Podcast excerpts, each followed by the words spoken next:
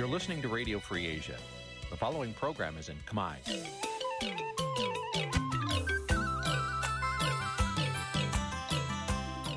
នេះជាកម្មវិធីផ្សាយ Vuthu Azizi Serai នេះជាកម្មវិធីផ្សាយរបស់ Vuthu Azizi Serai ជាភាសាខ្មែរ Vuthu Azizi Serai សូមស្វាគមន៍លោកអ្នកនាងទាំងអស់ពីរដ្ឋធានី Washington នៃសហរដ្ឋអាមេរិក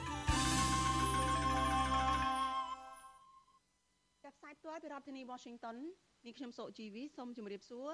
លោកអ្នកនាងកញ្ញាដែលកំពុងតាមដានការផ្សាយរបស់ Vuthu Azizi Serai ទាំងអស់ជាទីមេត្រីយើងខ្ញុំសូមជូនកម្មវិធីផ្សាយសម្រាប់យប់ថ្ងៃអាទិត្យ6កើតខែកដិកឆ្នាំខាលចត្វាស័កពុរសករាជ2566ចាប់ត្រូវនៅថ្ងៃទី30ខែតុលាគ្រិស្តសករាជ2022ចាជាដំបូងនេះសូមអញ្ជើញលោកអ្នកនាងស្ដាប់ព័ត៌មានប្រចាំថ្ងៃដែលមានមេត្តាដូចតទៅ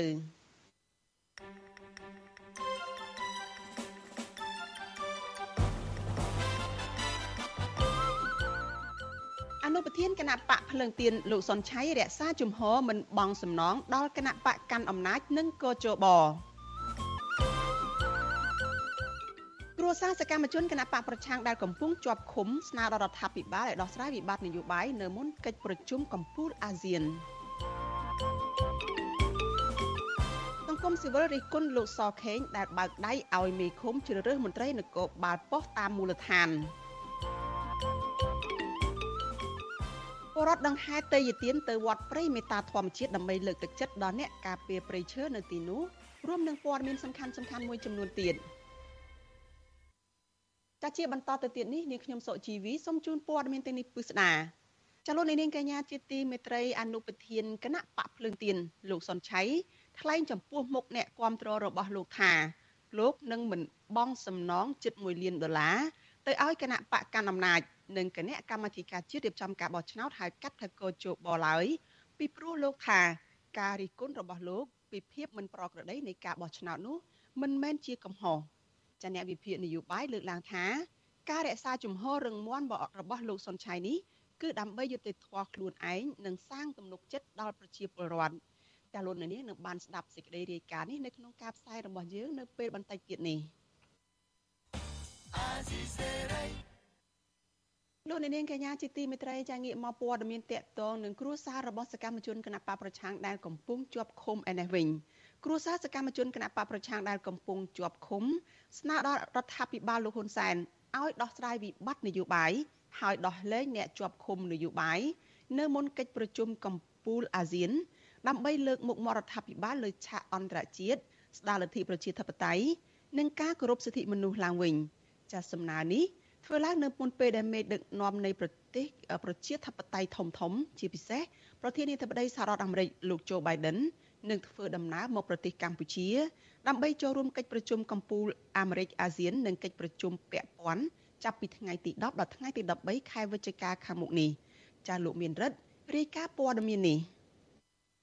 ក្រុមគ្រួសារសកម្មជនគណបកប្រឆាំង ទទូចដល់រដ្ឋាភិបាលលោកហ៊ុនសែនក្នុងឋានៈជាប្រធានបដូវវេននិងជាម្ចាស់ផ្ទះរៀបចំកិច្ចប្រជុំកំពូលអាស៊ានឲ្យដោះស្រាយបញ្ហានយោបាយនៅក្នុងប្រទេសឲ្យបានត្រឹមត្រូវជាពិសេសដោះលែងសមាជិកក្រុមគ្រួសាររបស់ពួកគេ ដែលត្រូវបានអាជ្ញាធរចាប់ឃុំខ្លួនដោយសារតែមូលហេតុនយោបាយកាលពីពេលកន្លងមក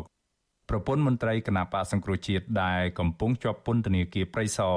លោកកកុម្ភាគឺលោកស្រីព្រំចន្ទថា ឲ្យដឹងថាកន្លងមកពួកលោកស្រីតែងតែនាំគ្នាដាក់ញត្តិថ្វាយព្រះមហាក្សត្រនិងស្នើដល់រដ្ឋាភិបាលឲ្យជួយដោះស្រាយបញ្ហាសិទ្ធិមនុស្សបញ្ហាប្រជាធិបតេយ្យនិងដោះស្រាយវិបត្តិនយោបាយជាហូរហែក៏ប៉ុន្តែមកដល់ពេលនេះលោកស្រីថាគ្មានស្ថាប័នណាមួយអើពើឆ្លើយតបនោះឡើយ។ លោកស្រីយល់ថាការបន្តឃុំខ្លួនសកម្មជនបពប្រឆាំងរាប់សិបឆ្នាំបែបនេះมันបានផ្ដល់ផលចំណេញដល់កម្ពុជានោះទេហើយផ្ទុយទៅវិញលោកស្រីថារដ្ឋាភិបាលកម្ពុជាកាន់តែរងនឹងការរិះគន់និងរងនៅទណ្ឌកម្មពីសំណាក់សហគមន៍អន្តរជាតិជាបន្តបន្ទាប់លោកស្រីព្រំចន្ទថាស្នើរដ្ឋាភិបាលចូលតុចរចា បញ្ចប់វិបត្តិនយោបាយនិងបញ្ឈប់ការធ្វើទុកបុកម្នេញនិងធ្វើបាបសកម្មជននយោបាយគណៈបកប្រឆាំងឲ្យបានឆាប់ គុំលោកធ្វើមិនក៏ដោយឲ្យមានការដោះលែងសកម្មជននយោបាយមុននឹងទៅដើម្បីកុំឲ្យវាមានមិនគ្រប់សិទ្ធិមនុស្សហើយមិននីតិរដ្ឋត្រឹមត្រូវហើយប្រទេសកម្ពុជាទាំងមូលក្រោមដំបូលសន្តិភាពរបស់លោកហើយលោកចាប់គុកចាប់ចងដាក់ច្បាប់អញ្ចឹងវាអត់ត្រូវទេអញ្ចឹងវាគិតវាកាន់តែសបញ្ជាក់ឲ្យឃើញថាប្រទេសកម្ពុជាមានច្បាប់ត្រឹមត្រូវស្រដៀងគ្នានេះដែរប្រពន្ធសកម្មជនគណៈបកសង្គ្រោះជាតិនៅខេត្តស្វាយរៀងម្នាក់ទៀតដែលកំពុងជាប់ពន្ធនាគារតាពាំង plong លោកយឹមសារ៉េត គឺលោកស្រីអូកចន្ទធីថ្លែងថាប្តីលោកស្រីព្រមទាំងសកម្មជនបកប្រឆាំងដទៃទៀតនៅតែជាប់គុកនិងរងទុក្ខវេទនាទាំងអយុត្តិធម៌ដោយសារតែមាននានាការនយោបាយផ្ទុយពីរដ្ឋាភិបាល លោកស្រីបញ្ជាក់ថាប្រទេសដែលមានសន្តិភាពនិងគោរពលទ្ធិប្រជាធិបតេយ្យពិតប្រាកដពុំមានអ្នកនយោបាយជាប់គុកនោះទេ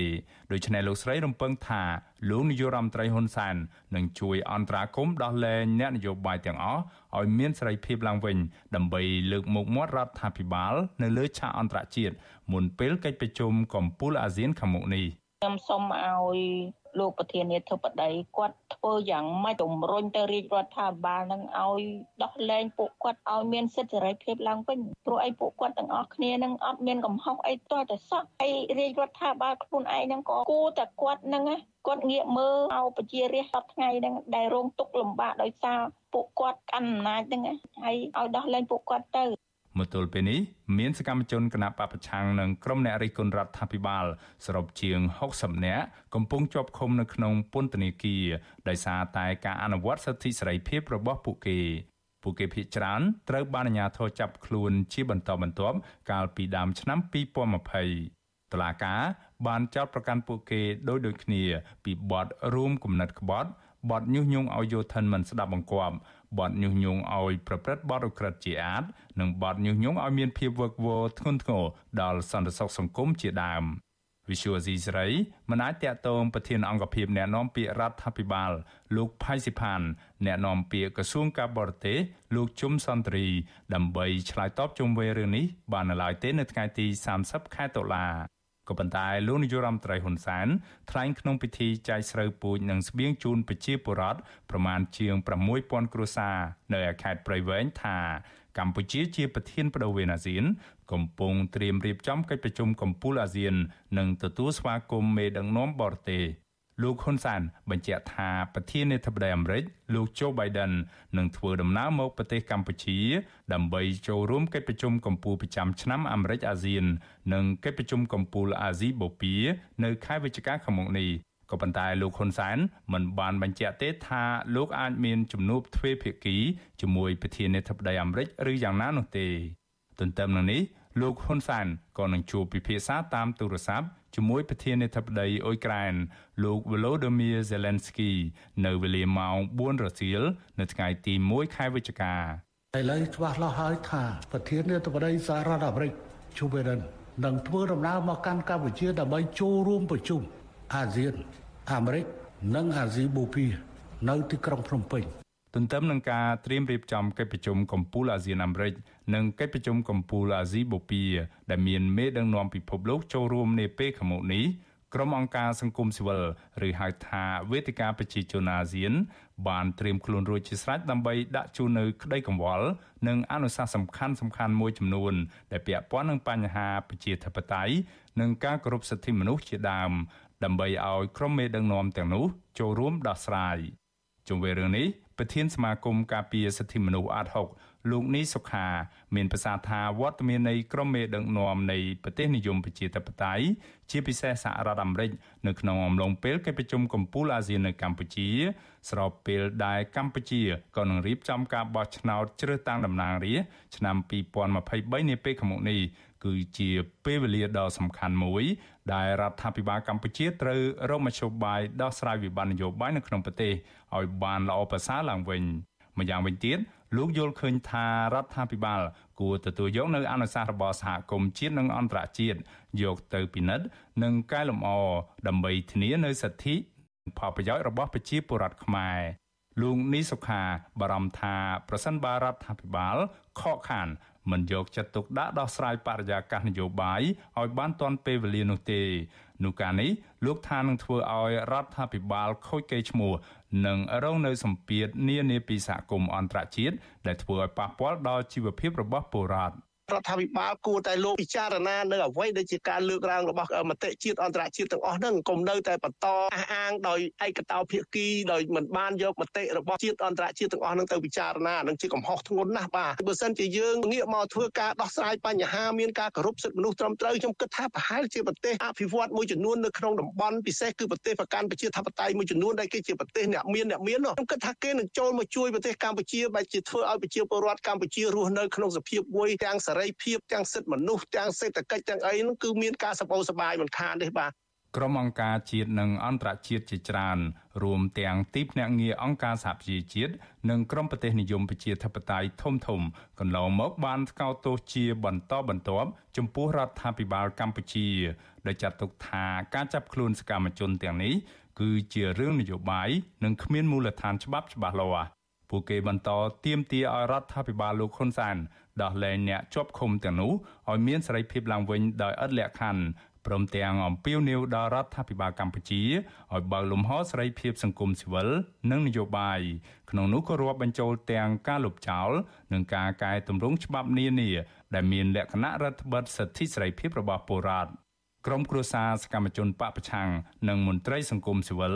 សង្ឃឹមថាមេដឹកនាំនៃប្រទេសប្រជាធិបតេយ្យធំធំ ជាពិសេសប្រធានាធិបតីអាមេរិកលោក Joe Biden នឹងជួយអន្តរាគមន៍ទៅរដ្ឋាភិបាលលោកនាយរដ្ឋមន្ត្រីហ៊ុនសែន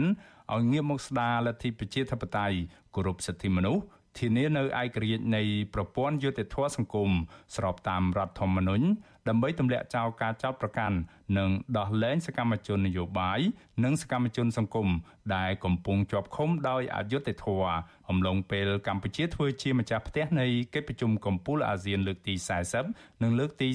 41និងកិច្ចប្រជុំពាក់ព័ន្ធនៅរាជធានីភ្នំពេញចាប់ពីថ្ងៃទី10ដល់ថ្ងៃទី13ខែវិច្ឆិកាឆ្នាំនេះខ្ញុំបានមេរិត Visual C ស្រីរាយការណ៍ពីរដ្ឋធានី Washington ចាលោកនាងកញ្ញាប្រិយមិត្តជាទីមេត្រីចាលោកអ្នកកំពុងតែតាមដានការផ្សាយរបស់វិទ្យុអាស៊ីសេរីចាផ្សាយចេញពីរដ្ឋធានី Washington សហរដ្ឋអាមេរិកចាតកតងទៅនឹងហេតុការណ៍សោកនាដកម្មនៅក្នុងទីក្រុងសេអ៊ូលនៃប្រទេសកូរ៉េខាងត្បូងឯណោះវិញ ចាសារព័ត៌មានដែលស្និទ្ធនឹងលោកយមត្រីហ៊ុនសែនចាបានចេញផ្សាយនៅមុននេះបន្តិចថាចាលោកហ៊ុនសែនបានផ្ញើលិខិតចូលរួមរំលែកទុកមួយទៅប្រធានាធិបតីនៃប្រទេសកូរ៉េខាងត្បូងដោយបញ្ជាក់ថាលោកសម្ដែងនៅការសោកសៅជាខ្លាំងចំពោះឧបទ្ទវហេតុសោកនាដកម្មនៃការប្រជៀតគ្នាឬក៏ជន់គ្នាធ្វើឲ្យពលរដ្ឋជាច្រើនបានស្លាប់នៅទីនោះ ចាស់ជាមួយគ្នានេះចាស់ពលរដ្ឋខ្មែរជាច្រើនអ្នកបាននាំគ្នាបង្ហោះសារនៅលើបណ្ដាញសង្គម Facebook ចូលរួមរំលែកទុក្ខចាស់ពីការបាត់បង់ជីវិតរបស់អ្នកដែលបានទៅចូលរួមនៅក្នុងហេតុការណ៍នោះចានៅក្នុងពេលបន្តិចទៀតនេះចានេះខ្ញុំនឹងមានសម្ភារផ្ទាល់មួយជាមួយនឹងយុវជននៅឯប្រទេសកូរ៉េខាងត្បូងរួមជាមួយអ្នកដែលបានរួចខ្លួនចេញផុតពីហេតុការណ៍ដ៏សោកសៅនេះចាសូមអញ្ជើញលោកអ្នកនាងរងចាំតាមដានបទសម្ភារនេះនៅក្នុងការផ្សាយរបស់យើងនៅពេលបន្តិចទៀតនេះ ចាលោកនាងកញ្ញាប្រិយមិត្តជាទីមេត្រីចាព័ត៌មានតកតងនឹងគណៈបកភ្លើងទៀនវិញម្ដងចាអនុប្រធានគណៈបកភ្លើងទៀនលោកសុនឆៃចាថ្លែងចំពោះមុខអ្នកគាំទ្រថាលោកនឹងមិនបង់សំណងចាជិត1លានដុល្លារទៅឲ្យគណៈបកកណ្ដាលអំណាចនិងគណៈគណៈកម្មាធិការជាតិរៀបចំការបោះឆ្នោតហៅកាត់ថាកោជបឡើយពីព្រោះលោកយល់ថាការរិះគន់របស់លោកពីភាពមិនប្រក្រតីនៃការបោះឆ្នោតនោះមិនមែនជាកំហុស ចាអ្នកវិភាគនយោបាយលើកឡើងថាការរក្សាជំហររឹងមាំរបស់លោកសុនឆៃគឺដើម្បីរកយុត្តិធម៌សម្រាប់ខ្លួនឯងនិងកសាងទំនុកចិត្តដល់ប្រជាពលរដ្ឋចាលោកថាថៃរីកាព័ត៌មាននេះអនុប្រធានគណៈបកភ្លឹងទៀនលោកសុនឆៃប្រកាសជំហរចេញពីប្រទេសអូស្ត្រាលីនៅថ្ងៃទី30ខែតុលាថាការប្រើប្រាស់ប្រព័ន្ធតុលាការដើម្បីគម្រាមកំហែងនិងដាក់សម្ពាធលើរូបលោកនិងសមាជិកគណៈបកភ្លើងទៀនគឺគ្មានប្រសិទ្ធភាពឡើយ លោកបន្តថាលោកនឹងបន្តជំទាស់ដាច់ខាតចំពោះសេចក្តីសម្រេចរបស់តុលាការក្រុងភ្នំពេញដែលបង្គាប់ឲ្យលោកសំទោសនិងបងសំណងជំងឺចិត្តជិត1លានដុល្លារអាមេរិកទៅឲ្យគណៈបកប្រជាជនកម្ពុជានិងស្ថាប័នរៀបចំការបោះឆ្នោតអនុប្រធានគណៈបកភ្លើងទៀនរូបនេះអះអាងថាការរិះគន់ភាពមិនប្រក្រតីនៃការបោះឆ្នោតដើម្បីឲ្យមានការកែលម្អទៅរកភាពល្អប្រសើរគឺមិនមែនជាកំហុសឡើយហើយគណៈបកនានានិងក្រុមអ្នកសង្កេតការផ្សេងផ្សេងទៀតក៏រិះគន់បែបនេះដែរ ការថ្លែងបញ្ជាក់ជំហររបស់លោកសុនឆៃបែបនេះគឺធ្វើឡើងនៅក្នុងវេទិកាសាធារណៈជាមួយអ្នកគាំទ្រគណៈបកភ្លើងទៀននៅក្នុងវត្តខ្មែរ Melbourne រដ្ឋ Victoria ប្រទេសអូស្ត្រាលី នៅថ្ងៃទី30ខែតុលាខ្ញុំខ្ញុំអត់ខុសទេ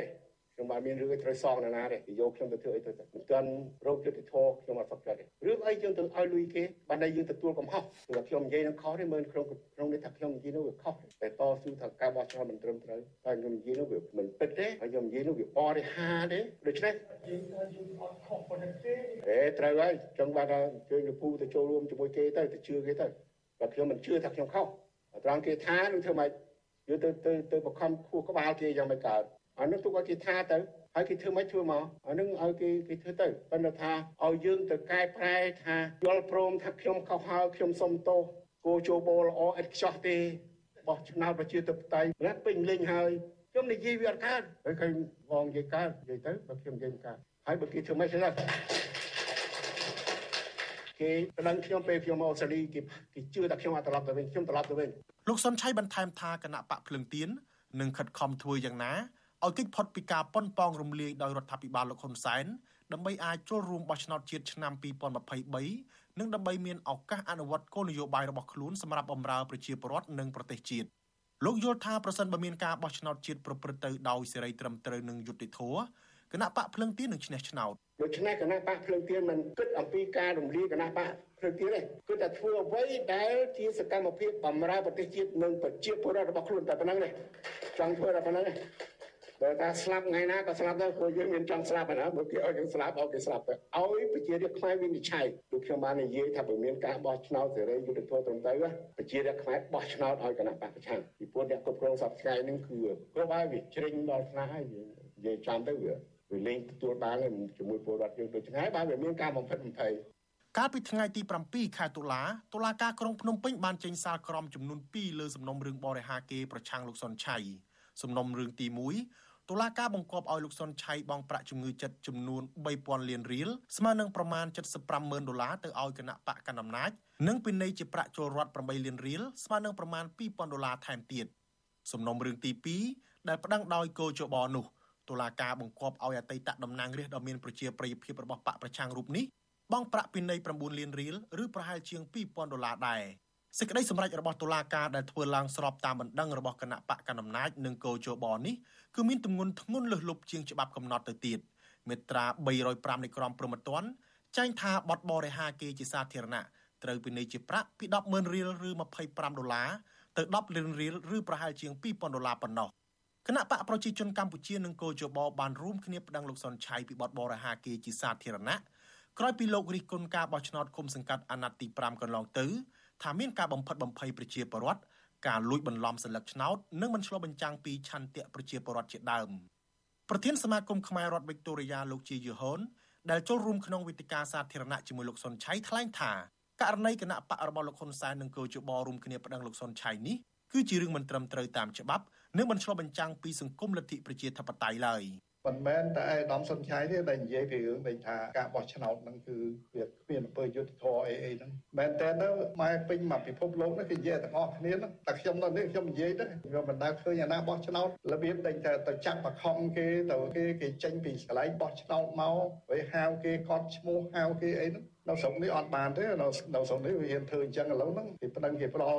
បកាច់ប្រកាន់ណាវិញនៅស្រុកខ្មែរយើងអត់ទេពីព្រោះយើងអត់មានក្រសួងយុទ្ធភ័ពយើងមានក្រសួងអយុត្តិធម៌អ្វីក៏ដោយឲ្យតែលោកហ៊ុនសែនដាក់ទៅគឺបើលោកហ៊ុនសែនថាជាប់គុកគឺគុកហើយអត់អត់មានផុតទេបើលោកហ៊ុនសែនទា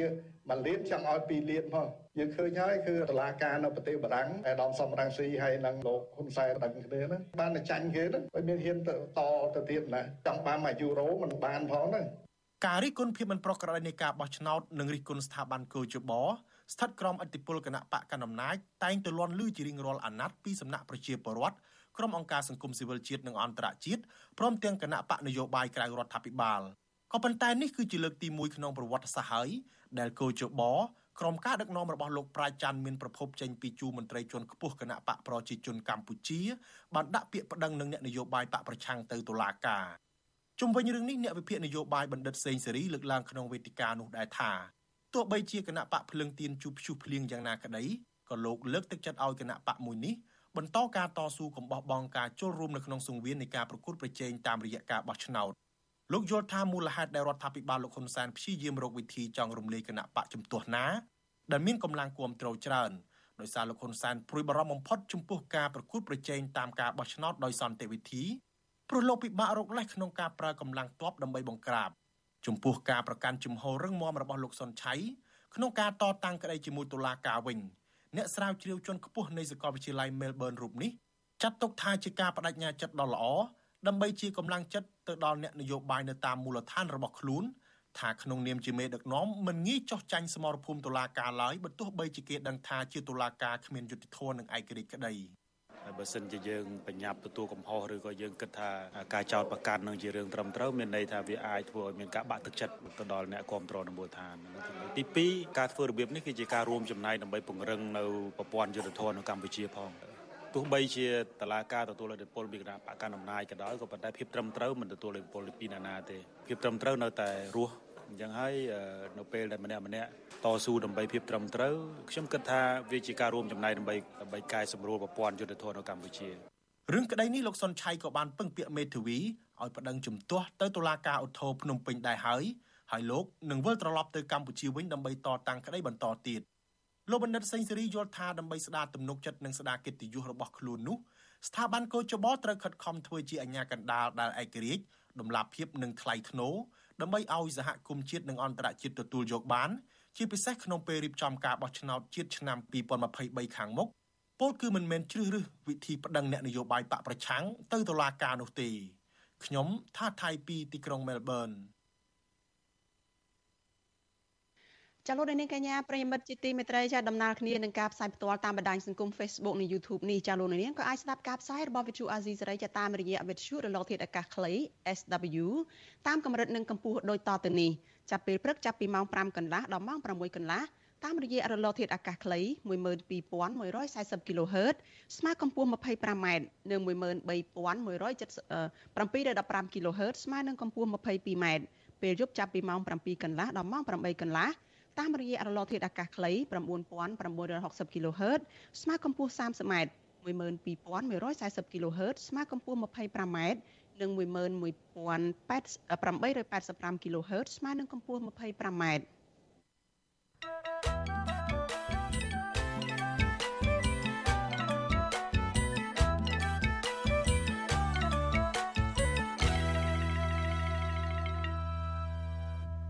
ចាលោកនាងកញ្ញាប្រិយមិត្តជាទីមេត្រីចាលោកអ្នកកំពុងតែតាមដានការផ្សាយរបស់ Vithu Azizi Serai ចាព័ត៌មានតកតងនឹងសង្គមស៊ីវិលរិះគន់លោកសខេងដែលបើកដៃឲ្យមេឃុំជ្រើសតាំងមន្ត្រីនគរបាលប៉ុស្តិ៍តាមមូលដ្ឋានឯនេះវិញ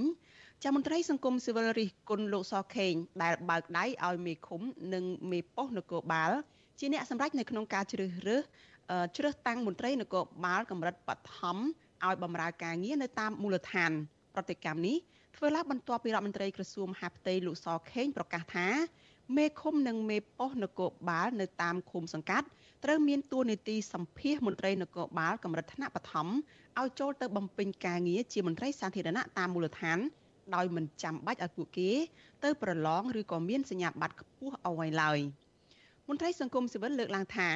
ដ្ឋាភិបាលផ្ដល់សិទ្ធិអំណាចដល់ក្រុមប្រឹក្សាឃុំសង្កាត់និងមេប៉ុស្តិ៍នគរបាលមូលដ្ឋាន ឲ្យជ្រើសរើសមន្ត្រីនគរបាលកម្រិតថ្នាក់បឋមពេលនេះនឹងធ្វើឲ្យការបំពេញការងារនៅតាមមូលដ្ឋានរបស់មន្ត្រីទាំងនោះនឹងគ្មានប្រសិទ្ធភាពឡើយប្រធានសមាគមនិស្សិតបញ្ញវន្តខ្មែរលោកកើតសរាយប្រាប់វិទ្យុអាស៊ីសេរីនៅថ្ងៃទី30ខែតុលាថាបើរដ្ឋាភិបាលគ្មានយន្តការច្បាស់លាស់ក្នុងការតាមដានត្រួតពិនិត្យប្រព័ន្ធដឹកនាំតាមបែបវិមជ្ឈការនេះឃុំសង្កាត់និងមេប៉ុស្តិ៍នគរបាលតាមមូលដ្ឋានអាចនឹងជ្រើសតាំងក្រុមបកពួករបស់ពួកគេ ឲ្យធ្វើជាមន្ត្រីនគរបាលដោយមិនគិតពីសមត្ថភាព និងប្រសិទ្ធភាពការងារនៅក្នុងការឆ្លើយតបបញ្ហារបស់ប្រជាពលរដ្ឋឲ្យបានប្រសើរនោះទេ។ ពើពុករលួយស្រុកខ្មែរនៅតែបែបនេះទេការផ្ដល់អំណាចដាច់មុខទៅដល់ថ្នាក់មូលដ្ឋានដែលក្រសួងអត់មានការតាមដាននេះធ្វើឲ្យអាប្រព័ន្ធអំពើពុករលួយនេះវាចាក់នៅថ្នាក់មូលដ្ឋាននោះខ្លាំងពីព្រោះពីមុនយើងធ្លាប់តែមានក្រសួងទេមានកូនផងប្រពន្ធផងម៉ែក្មេកផងឪក្មេកផងកូនប្រសាផងធ្វើការនៅក្នុងក្រសួងក្រសួងមួយបើសិនជាថ្នាក់មូលដ្ឋានធ្វើអញ្ចឹងហើយក្រសួងអត់មានយន្តការក្នុងការរៀបចំអាហ្នឹងហើយបដាតបដោតអំពើពុករលួយជាប្រព័ន្ធគឺវាចាក់ចូលគ្នាហ្មងនៅក្នុងឃុំមួយនោះវាមានកូនផងវាមានឪផងឪក្មេកផងកូនប្រសាផងដូច្នេះអាការធ្វើឲ្យអភិវឌ្ឍសង្គមនឹងគឺទៅអត់រួចចាលោកកើតសរាយបន្ថែមថានៅពេលរដ្ឋាភិបាលផ្ដល់សិទ្ធិអំណាចដល់មូលដ្ឋានកាន់តែច្រើននោះប្រជាពលរដ្ឋក៏អាចទទួលបានសេវាសាធារណៈបានឆាប់រហ័សនិងងាយស្រួលដែរប៉ុន្តែលោកមើលឃើញថាការដោះស្រាយបញ្ហាជូនប្រជាពលរដ្ឋមួយចំនួនពីសំណាក់អាជ្ញាធរមូលដ្ឋាននៅតែគ្មានប្រសិទ្ធភាពដោយសារអំពើពុករលួយដែលបានរារាំងដល់ពលរដ្ឋដែលរងគ្រោះទទួលបានសិទ្ធិសេរីភាពយុត្តិធម៌និងសេចក្តីថ្លៃថ្នូរ ក្នុងការរស់នៅប្រចាំថ្ងៃលោកកើតសរាយជំរុញឲ្យក្រសួងយុត្តិធម៌និងក្រសួងមហាផ្ទៃគួរតែបង្កើនការត្រួតពិនិត្យថ្នាក់មូលដ្ឋានបន្ថែមទៀតដើម្បីធានាអំពីការដោះស្រាយបញ្ហានានាជូនពលរដ្ឋប្រកបដោយតម្លាភាពយុត្តិធម៌និងអភិបាលកិច្ចល្អរដ្ឋមន្ត្រីក្រសួងមហាផ្ទៃលោកសខេងកាលពីថ្ងៃទី27ខែតុលាកន្លងទៅថ្លែងថា ការជ្រើសតាំងមន្ត្រីនគរបាលថ្នាក់មូលដ្ឋាន គឺមិនទាមទារឲ្យមានការសិក្សាស្រាវជ្រាវជ្រះនោះទេ លោកលើកឡើងថាមន្ត្រីនគរបាលថ្នាក់មូលដ្ឋានពុំចាំបាច់ត្រូវប្រឡងចូលក្របខ័ណ្ឌរដ្ឋដោយពេលមុនទៀតនោះទេលោកថាមកទល់ពេលនេះមេឃុំនិងមេប៉ុស្តិ៍នគរបាលជាអ្នកទទួលបន្ទុកក្នុងការជ្រើសរើសសម្ភាសមន្ត្រីនគរបាលកម្រិតបឋមដែលសំណួរនៅក្នុងការសម្ភាសនោះនឹងរៀបចំដោយក្រសួងមហាផ្ទៃតកតទៅនឹងរឿងនេះអ្នកនាំពាក្យគណៈបកប្រជាជនកម្ពុជាលោកសុកអេសានប្រាប់វិទ្យុអាស៊ីសេរីថា ការផ្ដល់សិទ្ធិអំណាចដល់មូលដ្ឋាននេះគឺជាទម្រង់វិមជ្ឈការដែលស្របតាមគោលការណ៍ប្រជាធិបតេយ្យលោកថាចំពោះការចោទប្រកាន់ថាមេឃុំនិងមេប៉ោះជ្រើសតាំងតែបពពួកឲ្យធ្វើជាមន្ត្រីនគរបាលនៅតាមមូលដ្ឋានដែលអាចឲ្យមានការប្រព្រឹត្តអំពើពុករលួយនោះគ្រាន់តែជាការចោទប្រកាន់ដែលគ្មានមូលដ្ឋានតែប៉ុណ្ណោះ។ មិនទាន់បានធ្វើផងគាត់ចោតជាថាពុកអលួយទៅហើយវាពិបាកយល់ណាហ្នឹងទៀមទាកន្លងមកថាឲ្យបើកសិទ្ធិសេរីភាពកុំនៅក្តោបក្តាប់នៅថ្នាក់កដាលច្រើនពេកថ្នាក់ជាតិច្រើនពេកបើកសិទ្ធិសេរីភាពបើកអំណាចទៅឲ្យថ្នាក់មូលដ្ឋានហ្នឹងជាដោះស្រាយឥឡូវគ្រាន់តែជ្រើសរើសមនុស្សបលិប៉ុងម្នាក់ពីរនាក់ហ្នឹងយើងទៅចោតមិនទាន់នឹងរើសផងយើងទៅចោតថាមិនមែនចេះឲ្យអស់លោកនឹងអស់លោកនឹងអ្នកថាហ្នឹងបានថាឲ្យគេទេបើឲ្យខ្លួនឯងធ្វើវិញវាលួយ ចាជុំវិញរឿងនេះនាយកទទួលបន្ទុកកិច្ចការទូតនៃអង្គការលីកាដូលោកអំសំអាតយល់ឃើញថាការជ្រើសតាំងមន្ត្រីនគរបាលមូលដ្ឋានពីសំណាក់មេឃុំនិងមេប៉ោះគឺអាចឲ្យពួកគាត់បំពេញការងារបានជាប់លាប់ប៉ុន្តែលោកថាមន្ត្រីនគរបាលកម្រិតថ្នាក់បឋមត្រូវតែមានការវឹកហាត់ការងារដើម្បីមានសមត្ថភាពគ្រប់គ្រាន់នៅក្នុងការបំពេញតួនាទីតាមវិជ្ជាជីវៈឆ្លើយតបបញ្ហានៅតាមមូលដ្ឋាន។ យើងក៏បារម្ភដែរតកតងជាមួយនឹងអំពើពុករលួយតើមានការត្រួតពិនិត្យដិតដល់ទេទៅលើការជ្រើសរើសនៃមន្ត្រីកម្រិតបឋមក្នុងមូលដ្ឋានហ្នឹងប្រកាសជាមានអំពើពុករលួយបពុនិយមកើតឡើងនៅចំណុចទាំងអស់ហ្នឹងជាមន្ត្រីថ្នាក់បឋមក៏ដោយប៉ុន្តែបើសិនជាគ្មានសមត្ថភាពហ្នឹងវាជាការប៉ះពាល់មួយទី2បើរើសទៅ មានរឿងអំពើពុករលួយវានាំឲ្យមានការរិះគន់វាបង្កឲ្យមាន បញ្ហាច្រើនมันមានជំនឿទុកចិត្តសម្រាប់ពលរដ្ឋក្នុងមូលដ្ឋានណាចាការផ្ដាល់អំណាចពីសំណាក់រដ្ឋាភិបាលទៅថ្នាក់មូលដ្ឋានគឺជាទម្រង់ដឹកនាំបែបវិមជ្ឈការដែលមានន័យថារដ្ឋាភិបាលប្រគល់នូវសិទ្ធិអំណាចការទទួលខុសត្រូវលើធនធានទ្រព្យសម្បត្តិនិងមន្ត្រីអាជ្ញាធរទៅឲ្យក្រមប្រឹក្សាថ្នាក់ក្រោមជាតិដូចជាក្រមប្រឹក្សារាជធានីក្រមប្រឹក្សាខេត្តនិងក្រមប្រឹក្សាឃុំសង្កាត់ជាដើម ដើម្បីឆ្លើយតបទៅនឹងតម្រូវការរបស់ប្រជាពលរដ្ឋនៅមូលដ្ឋានទោះបីយ៉ាងណាមន្ត្រីសង្គមស៊ីវិលមើលឃើញថារដ្ឋាភិបាលផ្ដល់អំណាចឲ្យថ្នាក់ក្រោមនៅគឺថ្នាក់មូលដ្ឋាននៅពេលនេះអាចនឹងមានមន្ត្រីថ្នាក់មូលដ្ឋានរបស់គណៈបកកណ្ដាលអំណាចប្រកាន់បកពួកនិងបែងចែកកៅអីគ្នាកាន់កាន់តែច្រើន ហើយជ្រើសរើសមន្ត្រីអសមត្ថភាពធ្វើការខ្វះវិជ្ជាជីវៈ គណៈអង្គើពុករលួយតាំងពីថ្នាក់ក្រោមជាតិរហូតដល់ថ្នាក់ជាតិកំពុងចាក់ឫសហើយមិនត្រូវបានរដ្ឋាភិបាលដោះស្រាយឲ្យមានប្រសិទ្ធភាពទេនោះចលនានាងកញ្ញាប្រិមិត្តជាទីមេត្រីចាត់តតនឹងរឿងនេះចានេះខ្ញុំមានសម្ភារផ្ទាល់មួយជាមួយនឹងលោកកើតសរាយដែលលោកជាប្រធាននិស្សិតបញ្ញវន្តខ្មែរចាសូមជម្រាបសួរលោកសរាយពីចម្ងាយចាបាទជម្រាបសួរបងបងស្រីនិងជម្រាបសួរជលោកជាតិបង ចាលោកសរាយតើលោកយល់ឃើញយ៉ាងម៉េចចានៅក្នុងសេចក្តីរាយការណ៍អំបញ្ញមិញនេះលោកបានលើកឡើងហើយថាលោកបារម្ភពីរឿងដែលមានបញ្ហាបពពួកនិយមការជ្រើសតាំងមន្ត្រីដែលមិនមានសមត្ថភាពមកបំពេញការងារហើយធ្វើឲ្យរំខានទៅដល់ការអនុវត្តរបៀបដឹកនាំតាមបែបវិមជ្ឈការនៅថ្នាក់មូលដ្ឋាននេះចាសូមលោកកានសរាយជួយបញ្ជាក់បន្ថែមអំពីរឿងនេះចាបាទអរ គុណបងស្រី ជាបឋមសូមនមស្ការរតនត្រ័យកណ្ណាគុណចាស់គ្រប់អង្គនិងជម្រាបសួរជនរួមជាតិយើងទាំងគ្នាហើយជម្រាបសួរបងស្រីផងអឺតកតងនឹងបញ្ហាដែលយើងបានឮរដ្ឋមន្ត្រីក្រសួងអភិបាលលោកសខេងក៏បានលើកឡើងតកតងនឹងការផ្ដល់សិទ្ធិអំណាចកាន់តែច្រើនផ្ដល់ថ្នាក់មូលដ្ឋាន យើងមើលឲ្យទម្រង់វិមជ្ឈការវាជាទម្រង់មួយនៅក្នុងសង្គមជាធិបតេយ្យដែល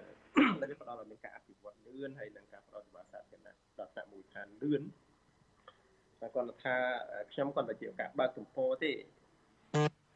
រឿងជាច្រើនទៀតដែលត្រូវសម្អាតគេថារឿងដែលត្រូវសម្អាតមុននឹងយើងទៅរើក្បឿងដែលយើងត្រូវទៅរើដបូលទៀតណារឿងដែលយើងត្រូវរើមុននោះវាមានច្រើន ដរាបណារឿងទាំងអស់នោះអត់ទាន់ដោះស្រាយទេបើយើងឈានទៅរើដបូលខ្ញុំគិតថា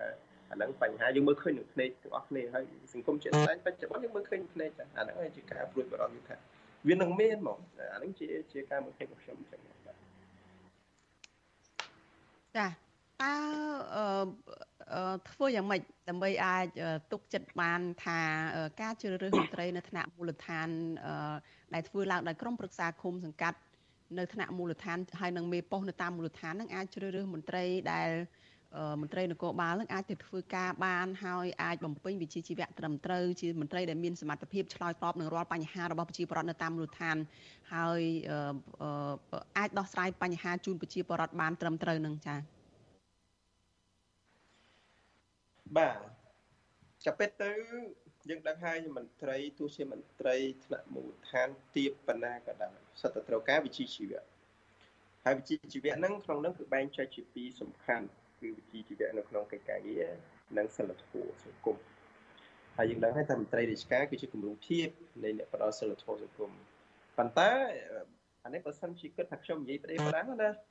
សម័យក្រសួងអីឬក៏នរណាម្នាក់ដែលគិតថាខ្ញុំនិយាយខុសអាចធ្វើវិជាប្រទេសលើវិជាប្រទេសទៅថាតើមន្ត្រីរាជការស្រុកខ្មែរហ្នឹងគឺក្រុមសិលធម៌កម្រិតណា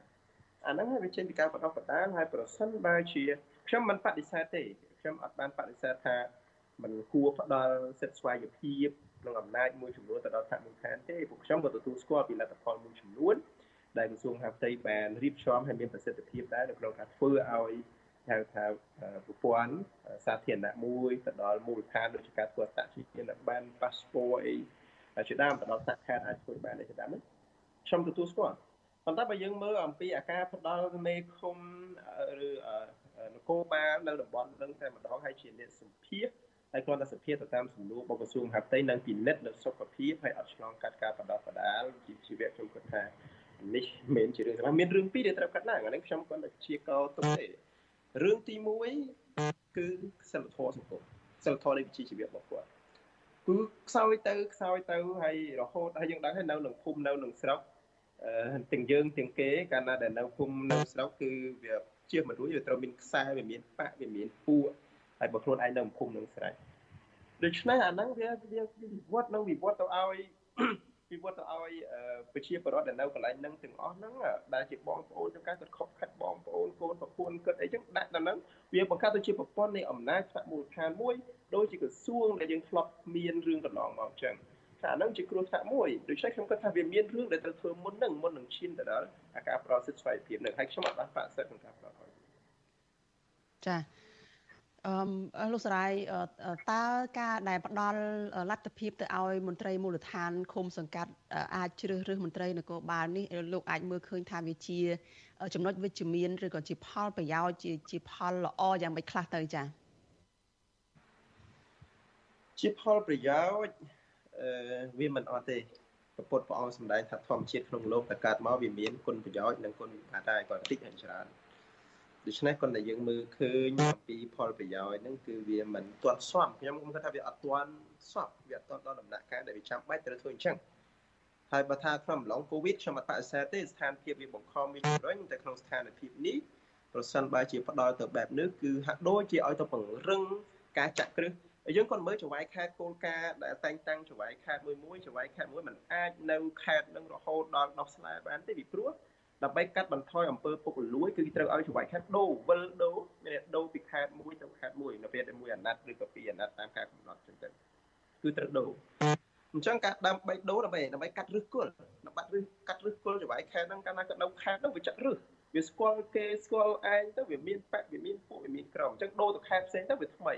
ដូច្នេះការប្រព្រឹត្តអំពើពុករលួយជាប្រព័ន្ធនោះវាខ្សោយហើយប្រសិនបើជាខ្ញុំគាត់ថាទេវាមិនមែនអត់សោះទេប៉ុន្តែគាត់ថាកលៈទេសៈវាអត់ទាន់សមគូហើយប្រសិនបើដាក់ខ្ញុំហ៊ានទីថានឹងមានមកនឹងមានបញ្ហាគឺចាប់ផ្ដើមដាក់កូនខ្លួនឯងប្រពន្ធខ្លួនឯងយើងមើលកន្លងមកហើយក៏តែរឿងបានសាមធររឿងបានក្រីក្រហ្នឹងក៏មានបញ្ហាដាក់បងដាក់ប្អូនហើយចុះទម្រាំតែមានឲ្យការតែងតាំង ជានគរបាលដែលស្របច្បាប់ចូលនៅក្នុងស្ថាប័នរដ្ឋហើយមានការតែងតាំងផ្ទាល់ពីថ្នាក់មូលដ្ឋានចឹងខ្ញុំគិតថាមិនទាន់សមគួរដល់ការធ្វើបែបនេះទេចា៎តាមទស្សនៈរបស់លោកកើតសរាយតើមន្ត្រីនគរបាលនៅថ្នាក់មូលដ្ឋាននឹងគួរតែមានសមត្ថភាពយ៉ាងម៉េចគួរតែមានវិជាជីវៈនឹងយ៉ាងម៉េចហើយគាត់អាចនឹងជួយដោះស្រាយបញ្ហានៅតាមមូលដ្ឋាននឹងស្អីខ្លះទៅដែលជាអតិភិបដែលគាត់ត្រូវតែមានសមត្ថភាពដោះស្រាយចា៎ ខ្ញុំសូមម្ដងទៀតស្ដាប់សំណួរអត់សូវច្បាស់ចា៎តើមន្ត្រីនគរបាលថ្នាក់មូលដ្ឋានបើតាមគំនិតរបស់លោកកើតសរាយតើគាត់គួរតែមានសមត្ថភាពកម្រិតណាទៅចាអឺជាទូទៅមន្ត្រីថ្នាក់មូលដ្ឋាន គឺជាមន្ត្រីដែលបម្រើការសេវាសាធារណៈទៅដល់ប្រជាពលរដ្ឋដូច្នេះសមត្ថភាពរបស់គាត់អឺវាមិនជាត្រូវការខ្ពស់ប្រហែលទេ គឺគាត់អាចធ្វើកិច្ចការងារជួយដោះស្រាយបន្ទុកបញ្ហាដែលប្រជាពលរដ្ឋស្នើឬក៏សេវាកម្មអីផ្សេងផ្សេងទៅប៉ុន្តែអ្វីដែលអតីដែលយើងផ្ដោតសំខាន់នោះគឺសិលធម៌ពួកយើងឃើញថាសិលធម៌គឺវាធ្លាក់មែនទែនសង្គមយើងជាពិសេសមន្ត្រីរាជការពេទ្យអីនោះយើងមើលឃើញថាប្រជាពលរដ្ឋមានការរិះគន់ច្រើនទៅទៅនឹងសិលធម៌ដូច្នេះខ្ញុំគិតថាសម្រាប់មន្ត្រីថ្នាក់មូលដ្ឋានសមត្ថភាពរបស់គាត់អាចបញ្ចប់ ទៅតាមការតម្រូវរបស់ក្រសួងឬមហាវិទ្យាល័យឬក៏អីជាដើមហ្នឹងទៅប៉ុន្តែក៏ត្រូវតែយកទៅធ្វើការបដោះបដាដោយគ្រូពេទ្យអញ្ចឹងគេទៅយកទៅបដោះបដាគេមានក្រុមសិលធម៌គ្រូពេទ្យគេឲ្យរៀនពុកហាត់ពីក្រុមសិលធម៌ទៅទុកអ្នកជំងឺឲ្យដូចជាកូនដូចជាបងដូចជាឪពុកអាហ្នឹងគឺត្រូវតែយកទៅវឹកវើបើយើងអត់យកទៅវឹកវើហើយគាត់ទៅសភាជាប់ហើយសភាជាប់យើងដឹងហើយមនុស្សគាត់តែឆ្លើយសំណួរ text ឬក៏សំណួរផ្ទាល់គាត់មានអីប្រហែលអណ្ដាតមានឆ្អឹងមកប៉ុន្តែការអនុវត្តជាក់ស្ដែងនៃការវឹកវើមនុស្សឲ្យយល់ដឹងពី ការបំរើសង្គមពិតប្រាកដអានោះជារឿងលំបាកដូច្នេះខ្ញុំគិតថាសមត្ថភាពជារឿងមួយប៉ុន្តែសិលធម៌ជារឿងសំខាន់ជាពិសេសបញ្ជាការចងបង្កើតទៅជាប្រព័ន្ធពុករលួយនៅថ្នាក់មូលដ្ឋានទៀតបើមិនចឹងទេប្រជាពលរដ្ឋយើងគឺចាប់ផ្ដើមពិបាកហើយហើយយើងយើងត្រូវពិចារណាទៅទៀតនៅពេលដែលគណៈបកកាន់អំណាចមានអធិបុលកាន់តែខ្លាំងអាការដែលដែលការផ្ដល់ឲ្យមានការតែងតាំងនៅថ្នាក់មូលដ្ឋានគឺចាប់ផ្ដើមលំអៀងអានោះខ្ញុំជឿថាមានអញ្ចឹងមក វានឹងមានការលំអៀងទៅកាន់គណៈបកកាន់អំណាចឬក៏បកពួកក្រុមអីចឹងទៅអានោះអាចជាបញ្ហាទៅទៀតដែលវាដែលយើងមើលឃើញថាវាមិនសមគួរឬក៏វាមិនទាន់ដល់ពេលដែលត្រូវគួរដែរផ្ដល់ស្វ័យភាពឬក៏ហៅថាទម្រង់វិមជ្ឈការអីមួយទៅដល់ថ្នាក់មូលដ្ឋាននៅក្នុងការតែងតាំងសម្រាប់នគរបាលថ្នាក់មូលដ្ឋាននឹងទេបាទចា អរគុណច្រើនលោកកើតសរាយចាដែលបានផ្ដល់សម្ភារនៅពេលនេះចាហើយជូនពរលោកសុខភាពល្អហើយយើងក៏មានព័ត៌មានមួយទៀតចាតកតងនឹងលោកកើតសរាយដែរចាគឺលោកកើតសរាយនឹងបាននាំក្រមយុវជនទៅព្រៃមេតាធម្មជាតិចឹងលោកកើតសរាយអាចអាចជម្រាបខ្លីបន្តិចមកបានទេថាតើទៅព្រៃមេតាធម្មជាតិនឹងធ្វើអីខ្លះហើយលោកនាងនឹងបានស្ដាប់សេចក្តីរាយការណ៍នេះបន្ថែមនៅក្នុងការផ្សាយរបស់យើងនៅពេលបន្តិចទៀតចា៎បាទអឺ កាពិតយើងយើងទៅនោះគោលដៅរបស់យើងគឺយើងចង់ទៅលើកទឹកចិត្តដល់ព្រះសង្ឃយើងដង្ហើនៅទេយទានមានបច្ច័យ4មានស្បង់ស្បៃត្រៃជីវរគោលដៅគឺយើងដើម្បីទៅលើកទឹកចិត្តដល់ព្រះសង្ឃហើយនិងប្រជាសហគមន៍ដែលគាត់បានការពារព្រៃហើយដូចយើងឃើញហើយកាលនោះកងទ័ពងូ70បានចូលទៅឈូសឆាយគួរអនុញ្ញាតធំណាស់ព្រៃយើងនេះតិចទីហើយអញ្ចឹងខ្ញុំទៅក៏មានបច្ច័យ4មានអីយើងជួយ ប្រគេនដល់ប្រសងសម្រាប់ប្រើប្រាស់ហើយនឹងទៅដល់ប្រជាសហគមន៍ផងហើយយើងសង្ឃឹមថាពួកគាត់នឹងនៅតស៊ូបន្តទៀតដើម្បីជួយរួមការពារព្រៃឈើហើយក៏ជាបុណ្យកុសលមួយតាមទំនៀមទម្លាប់ប្រពៃណីផងដែរចាអរគុណចាលោកកើតសរាយចាសូមជម្រាបលាលោកត្រឹមនេះហើយជូនពរលោកសុខភាពល្អចាបាទជម្រាប ចាលោកនាងកញ្ញាជាទីមេត្រីចាដូចដែលលោកកើតសរាយបានលើកឡើងអញ្ចឹងគឺប្រជាពលរដ្ឋរួមគ្នាធ្វើពិធីដង្ហែទេយទានទៅប្រគិនព្រះសង្ឃនៅឯវត្តព្រៃមេតាធម្មជាតិដើម្បីលើកទឹកចិត្តដល់ព្រះសង្ឃនិងពលរដ្ឋនៅទីនោះដែលបានលះបង់កម្លាំងកាយចិត្តការពារព្រៃឈើដែលកំពុងរងការបំផ្លិចបំផ្លាញនៅទីនោះប្រជាសហគមន៍លើកឡើងថាការកាប់ទន្ទ្រានដីព្រៃសហគមន៍មេតាធម្មជាតិបានធ្វើលើសរាប់រយហិកតា ដោយដែលច្បាប់កំណត់ក្នុងការផ្ដល់ដីសម្បត្តិទៅឲ្យក្រមយោធាកងរថក្រោះនិងក្រមយោធាង70ហើយពលរដ្ឋអះអាងថាការផ្ដល់ដីសម្បត្តិនេះទៀតសោតក៏មិនបានទៅដល់គ្រួសារប្រជាពលរដ្ឋក្រីក្រឬក៏ទាហានដែលមានជីវភាពខ្វះខាតនោះពិតប្រាកដឡើយចាលោកនាងនៅបានស្ដាប់សេចក្តីរាយការណ៍នេះនៅក្នុងការផ្សាយរបស់យើងនៅពេលបន្តិចទៀតនេះចាលោកនាងជាទីមេត្រីចាយើងងាកទៅព័ត៌មានតកតងនឹងសោកនាដកម្មនៅឯទីក្រុងសេអ៊ូលប្រទេសកូរ៉េខាងត្បូងឯនោះវិញ ចាស់នៅមុននេះបន្តិចចាសារព័ត៌មានក្នុងស្រុកបានចុះផ្សាយថាលោកយមត្រីហ៊ុនសែនចាបានចេញលិខិតមួយទៅប្រធានាធិបតីនៃប្រទេសកូរ៉េខាងត្បូងចាដើម្បីសម្ដែងនៅការសោកសៅចំពោះឧបទ្ទវហេតុឬក៏សោកនាដកម្មនៃការរត់ជន់គ្នារបស់ប្រជាពលរដ្ឋកូរ៉េខាងត្បូងនៅក្នុងតំបន់អ៊ីថេវុននៃក្រុងសេអ៊ូលចាដែលហេតុការណ៍នោះបានកើតឡើងកាលពីថ្ងៃទី29ខែតុលាចា ជាមួយគ្នានេះដែរចាប្រជាពលរដ្ឋខ្មែរហើយក្នុងនោះក៏មានប្រជាពលរដ្ឋដែលរស់នៅប្រទេសកូរ៉េខាងត្បូងផងចាបាននាំគ្នាផ្ញើសារជាច្រើននៅលើបណ្ដាញសង្គម Facebook ចាអឺនឹងបណ្ដាញសង្គមផ្សេងផ្សេងទៀតចាដើម្បីចូលរួមរំលែកទុក្ខមរណភាពរបស់មនុស្សចំនួនចាំមកដល់ពេលនេះនឹងគឺជាង150នាក់ហើយដែលបានស្លាប់នៅក្នុងហេតុការណ៍ដែលបានកើតឡើងកាលពីយប់ថ្ងៃទី29ខែតុលា ចាជាបន្តទៅទៀតនេះចានេះខ្ញុំនឹងមានសម្ភារផ្ទាល់មួយជាមួយនឹងយុវជនដែលរស់នៅក្នុងប្រទេសកូរ៉េខាងត្បូងចាដែលបានតាមដានព័ត៌មាននេះហើយនឹងអឺស្ត្រីមួយរូបចាដែលបានទៅចូលរួមពិធីនៅក្នុងយប់ថ្ងៃទី29ខែតុលានោះដែរប៉ុន្តែ ចាអ្នកស្រីបានរួចខ្លួនមកវិញចាឥឡូវនេះយើងបានឃើញចាលោកស៊ីណេហើយចាលោកយ៉ងស៊ីណេគឺជាសមាជិកយុវជនគណៈបកសង្គ្រោះជាតិនៅឯប្រទេសកូរ៉េខាងត្បូងចាជំរាបសួរលោកស៊ីណេពីចម្ងាយចា បាទសូមជម្រាបសួរដល់វិសុស៊ីសេរីបាទហើយក៏សូមជម្រាបសួរដល់បងប្អូនទាំងអស់ដែលកំពុងតែទស្សនាបាទចាក្រុមការងាររបស់យើងកំពុងព្យាយាមភ្ជាប់ទូរស័ព្ទទៅលោកស្រីសំណាង ចាដែលលោកស្រីគឺជាសាកសីមួយរូបចាដែលបានទៅ ក្នុងកម្មវិធីនៅឯយប់ថ្ងៃទី29ខែតុលាកន្លងទៅនេះចាសូមជម្រាបសួរលោកស្រីសំណាងពីចម្ងាយចា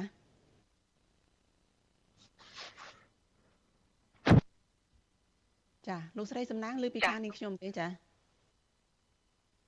អឡូជំរាបសួរចានាងខ្ញុំលើពីខាងលោកស្រីហើយលោកស្រីលើពីខាងនាងខ្ញុំទេចាចាលើចាចាអឺសំណាងគឺជា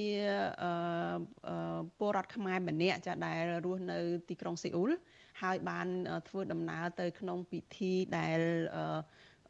ប្រពធ្វើឡើងនៅយប់ថ្ងៃទី29ខែតុលានោះគឺជាកម្មវិធីអបអរពិធីបុណ្យ Halloween ដែលកើតមានហេតុការណ៍រត់ជន់គ្នាឬក៏គៀបគ្នាឬក៏ប្រជិតគ្នាខ្លាំងដែលធ្វើឲ្យ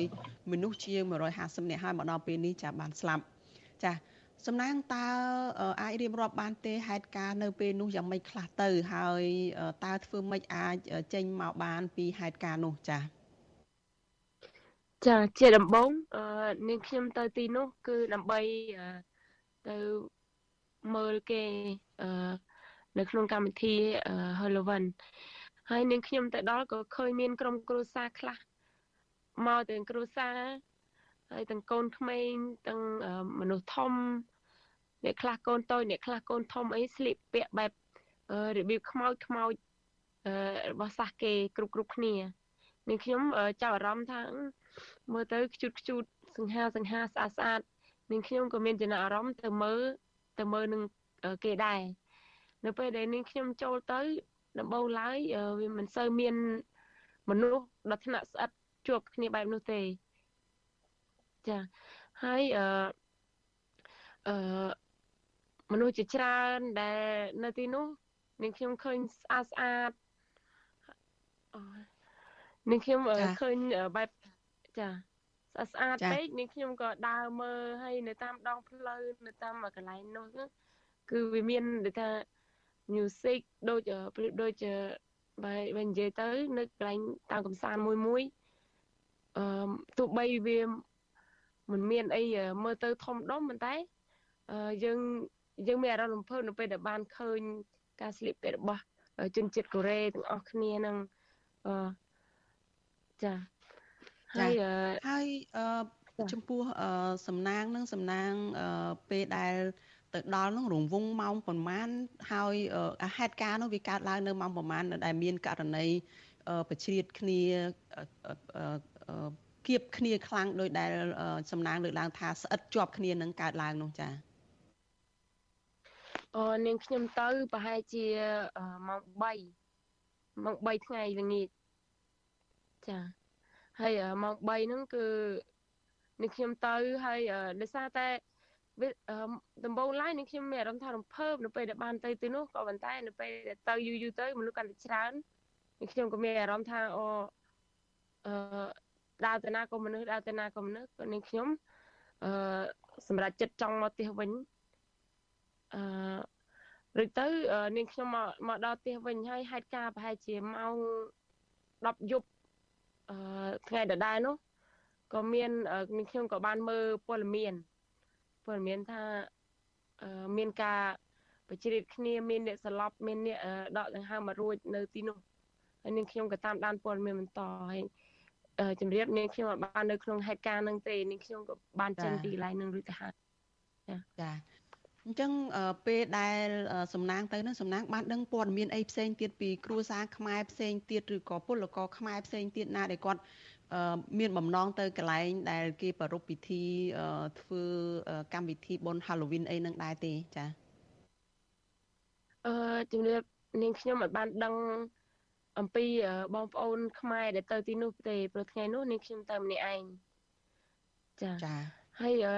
បើសិនជានាងខ្ញុំដឹងខ្ញុំនឹងប្រាប់ពួកគាត់ថាអឺអឺនឹងសួរពួកគាត់ថាតើពួកគាត់យ៉ាងម៉េចនៅពេលដែលបានទៅលេងទីនោះឬក៏នៅក្នុងហេតុការណ៍នោះទេចាចាចាតែតែខ្ញុំមិនបានដឹងចាចុះនៅពេលដែលឃើញរឿងរ៉ាវកើតឡើងរហូតដល់មានមនុស្សស្លាប់ជាង150នាក់ហើយមកដល់ពេលនេះនឹងតើ ក្នុងចិត្តនឹងគិតយ៉ាងម៉េចចង់បង្ហាញ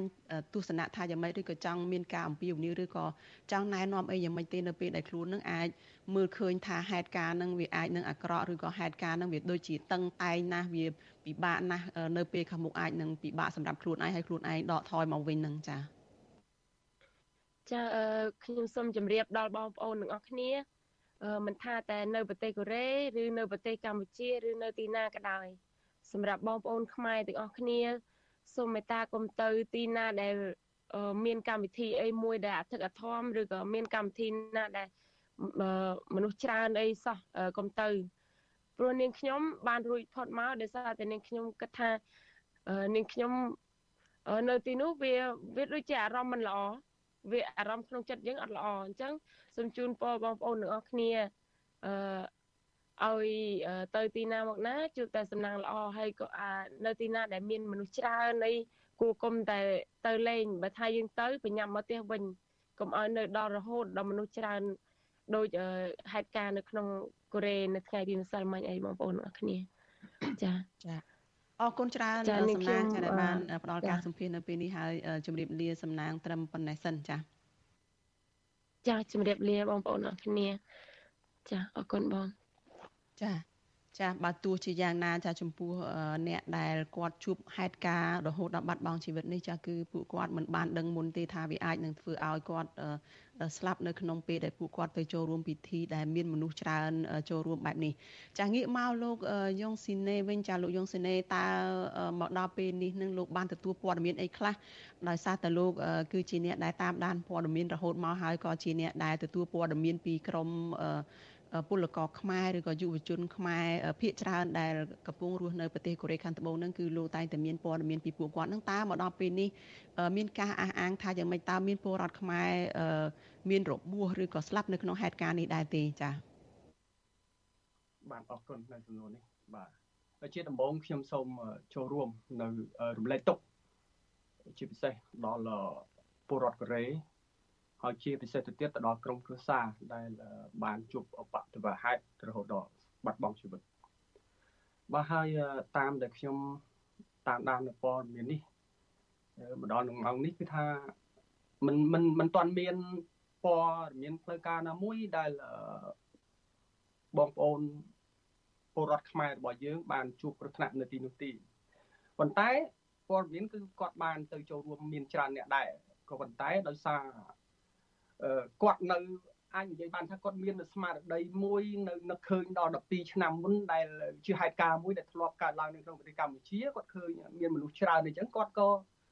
មានអារម្មណ៍មិនល្អគាត់ក៏បានចេញចេញពីទីកន្លែងដែលមនុស្សប្រជិតគ្នានោះគាត់វិលត្រឡប់មកផ្ទះវិញអញ្ចឹងទៅធ្វើមិនឲ្យមានបញ្ហាដល់គ្រោះថ្នាក់ដល់ពួកគាត់ម្ដងមកចាអឺ លោកបានទទួលព័ត៌មានអីខ្លះបន្ថែមទៀតទេពីព្រោះថា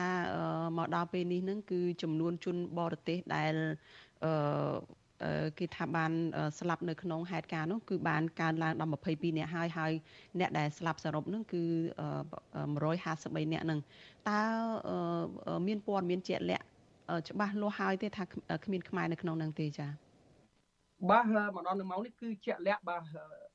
រកមិនទាន់ថាមិនទាន់មានព័ត៌មានផ្លូវការណាមួយដែលថាមានខ្មែរយើងនៅទីនោះដែលរកគ្រោះទេគឺអត់មានទេបាទចាអឺចំពោះរូបលោកជាជាយុវជនមួយរូបហើយជាយុវជនដែលសកម្មទៀតនឹងតើនេះលោកមើលឃើញថាខាងរដ្ឋាភិបាលកូរ៉េនឹងគេមានវិធានការអីខ្លះហើយគេអាចនឹងចាត់វិធានការអីទៅថ្ងៃមុខទៀតដែរទេមកដល់ពេលនេះចា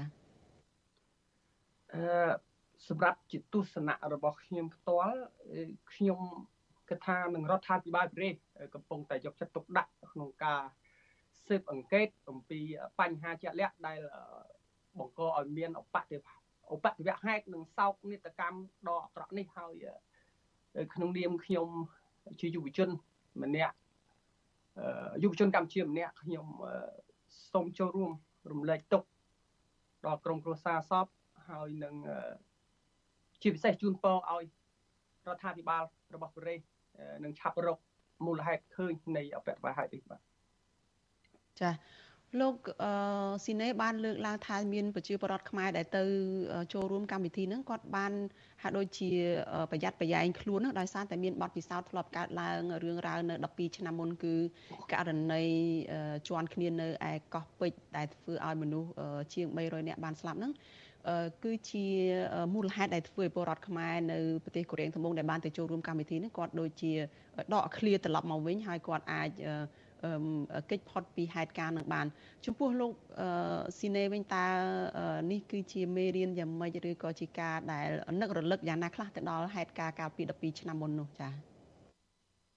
បាទហើយយប់មិញនិយាយទៅនៅពេលដែលខ្ញុំឃើញព័ត៌មាននៅលើបណ្ដាញសង្គម ខ្ញុំហាក់មានតក់ស្លុតមានចិត្តតក់ស្លុតយ៉ាងខ្លាំងហើយធ្វើអារម្មណ៍របស់ខ្ញុំនឹងនឹកឃើញទៅដល់ព្រឹត្តិការណ៍នៅប្រទេសកម្ពុជារបស់យើងបើទោះបីជាវាកន្លងទៅរយៈពេល12ឆ្នាំមែន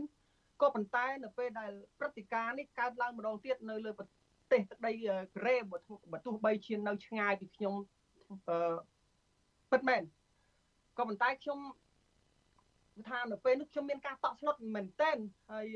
ក៏ មានតែការចូលរួមការសោកស្ដាយមែនទែនមិនគួរឲ្យមានអបតិវៈហេតុនេះកើតឡើងទេហើយយើងឃើញថានេះវាជាកំហុសមួយជាការធ្វើប្រហែសមួយរបស់អាញាធរផងដែរនៅពេលដែលមនុស្សកំពុងតែកកកុញពីព្រោះខ្ញុំមើលទស្សនវិជ្ជាខាងក្រៅ